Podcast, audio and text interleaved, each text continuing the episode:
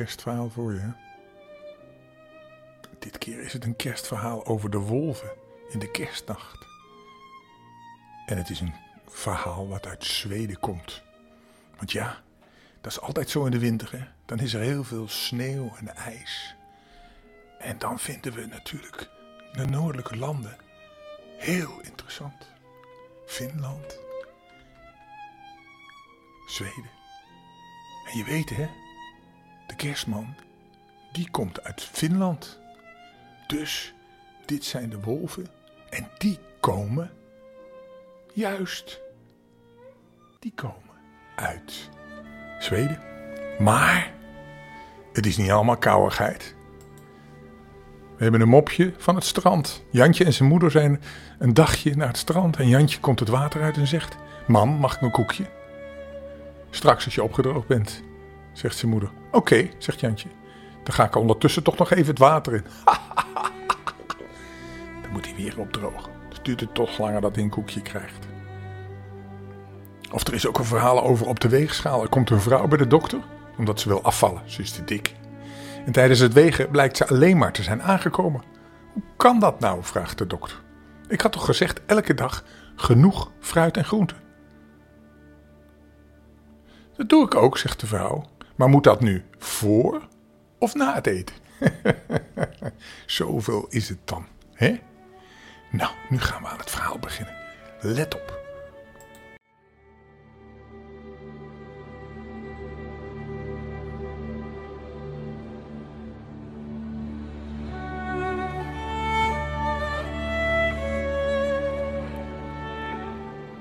Het is het verhaal van de wolven in de kerstnacht. Het gebeurde in Zweden.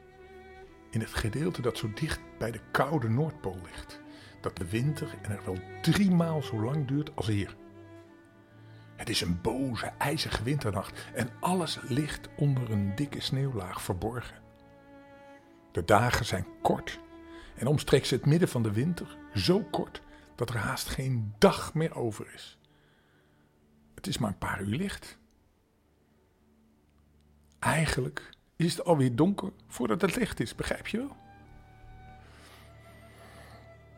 Eigenlijk in de middag wordt het alweer donker. Er zijn allerlei gevaren, felle vrieskou, sneeuwstormen. En als het donker is, zijn er ook veel wolven.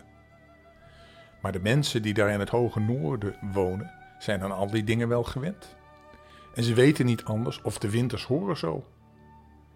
De hoge rotsige bergen, de grote stille dennenbossen, hoofdwegen, landweggetjes, steden en boerendorpen. Alles ligt onder de sneeuw.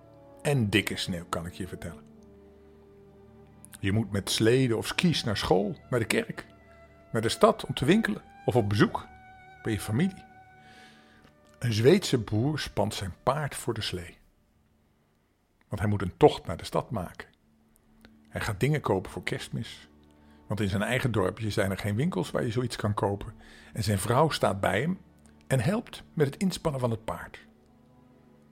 Het paardje trappelt van ongeduld. Het heeft de frisse buitenlucht geroken en het hinnikt van plezier.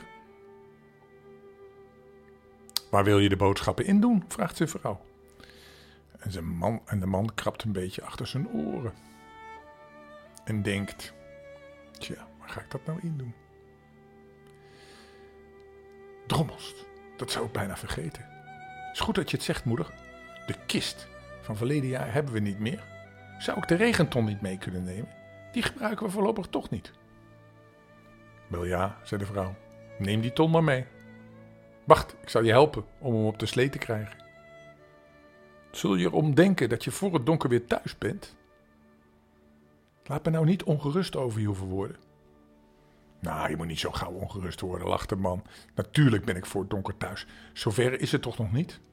En dan steken we alle kaarsjes aan en dan gaan we kerstfeest vieren rondom de boom. Wat zullen de kinderen blij zijn, hè? Ik verheug me er echt op.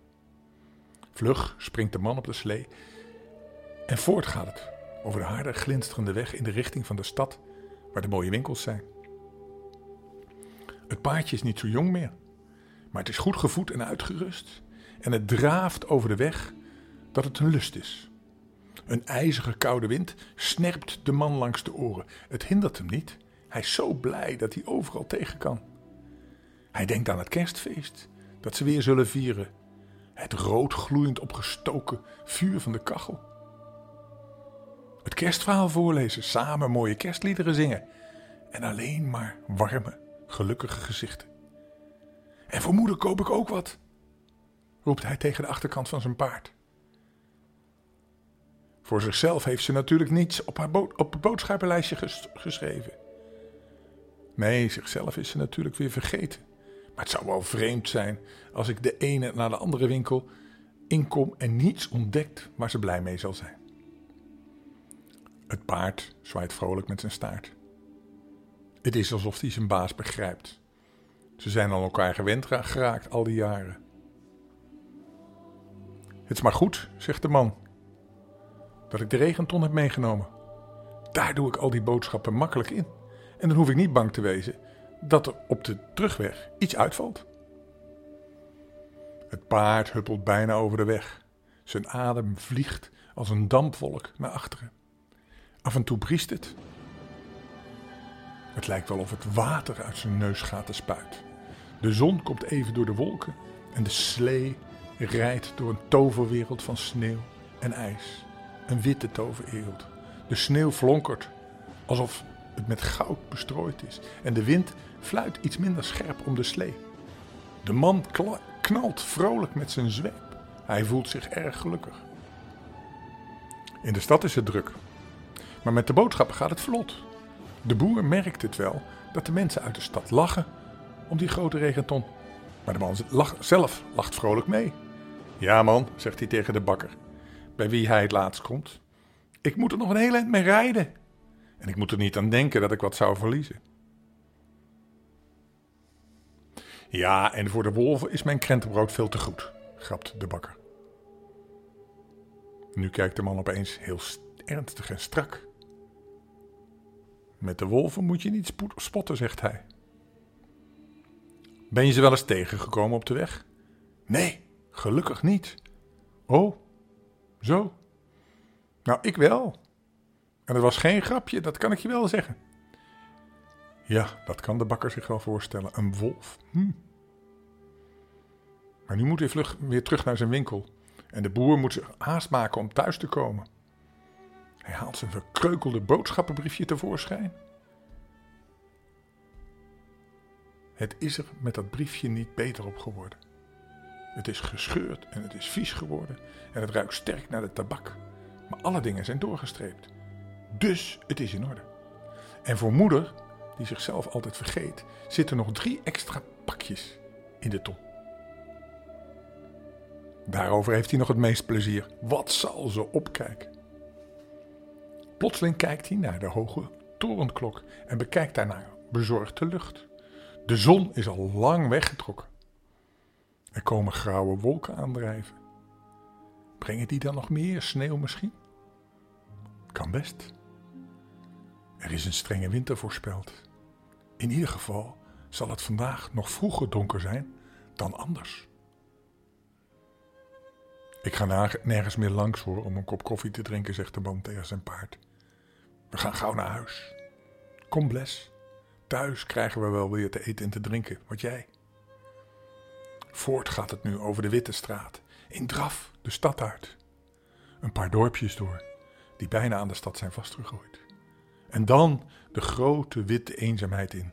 Daar, heel in de verte, staat het bos als een hoge donkere muur. Fort Bles! Fort! Achter het bos ligt ons dorp. Daar is het huis met moeder en de kinderen. Daar gaan we kerstfeest vieren. Dat bos is maar niks als het nacht is. Kom, maar we halen het wel. Als jij je best doet. Fort, fort, fort, bles. Het paardje trippelt uit alle macht. Het open witte sneeuwveld door. Het grote stille bos door. De man heeft het gevoel dat achter hem een grote deur dichtvalt wanneer hij het bos inrijdt. Het is donker tussen de stammen van de bomen kan het ergens zo geruisloos en geheimzinnig zijn als in een groot Zweeds sneeuwbos? Het lijkt of er iets tegen je spreken wil. En toch is er geen stem. Er breekt een tak door de zware sneeuw. De sneeuw glijdt met scherp geritsel omlaag. De tak blijft omgekeerd hangen tussen de andere takken. Plotseling rilt de man op zijn slee. Hij rilt niet van de kou deze keer. Er is iets in dit donkere bos. Iets dat hij niet kan verklaren. Was ik maar vast thuis. Kom, Bles, laat zien wat je kunt. Ik wil kerstfeest vieren met moeder en de kinderen. Doe je best, Bles. Dat we gauw het bos uit kunnen zijn. Het is hier niet pluis, Bles. Wat is dat daar? Aan de andere kant van de weg? Een klein zwart ding dat langzaam voortbeweegt. Wat kan dat zijn? Fort Bles, snel! Er langs! De zweep knalt. Strak staan de teugels. De slee schiet het zwarte ding voorbij. Even kijkt de boer opzij, naar beneden. Oh, het is een oude vrouw. Een hele oude, arme, krom gegroeide vrouw. Tijdens het voorbijrijden kijkt de boer even. En de oude vrouw kijkt naar de slee met smekende ogen. Nou, die is vast niet goed wijs, zegt de boer tegen de paardenrug. Die stapel gek, kun je wel zeggen. Weet dat oude mens niet dat er wel eens wolven zijn in deze bossen? Wie gaat er nu tegen de avond het bos in? Nou ja, moet ze zelf ook maar weten. Ik heb er niks mee te maken. Fort Bles, we gaan gauw naar huis. Kerstfeest vieren. Kerstfeest? De boer schrikt opeens voor het woord dat hij de laatste dagen al zo vaak heeft gebruikt. Kerstfeest? Kerstfeest? zegt hij tien, twintig keer op een dag.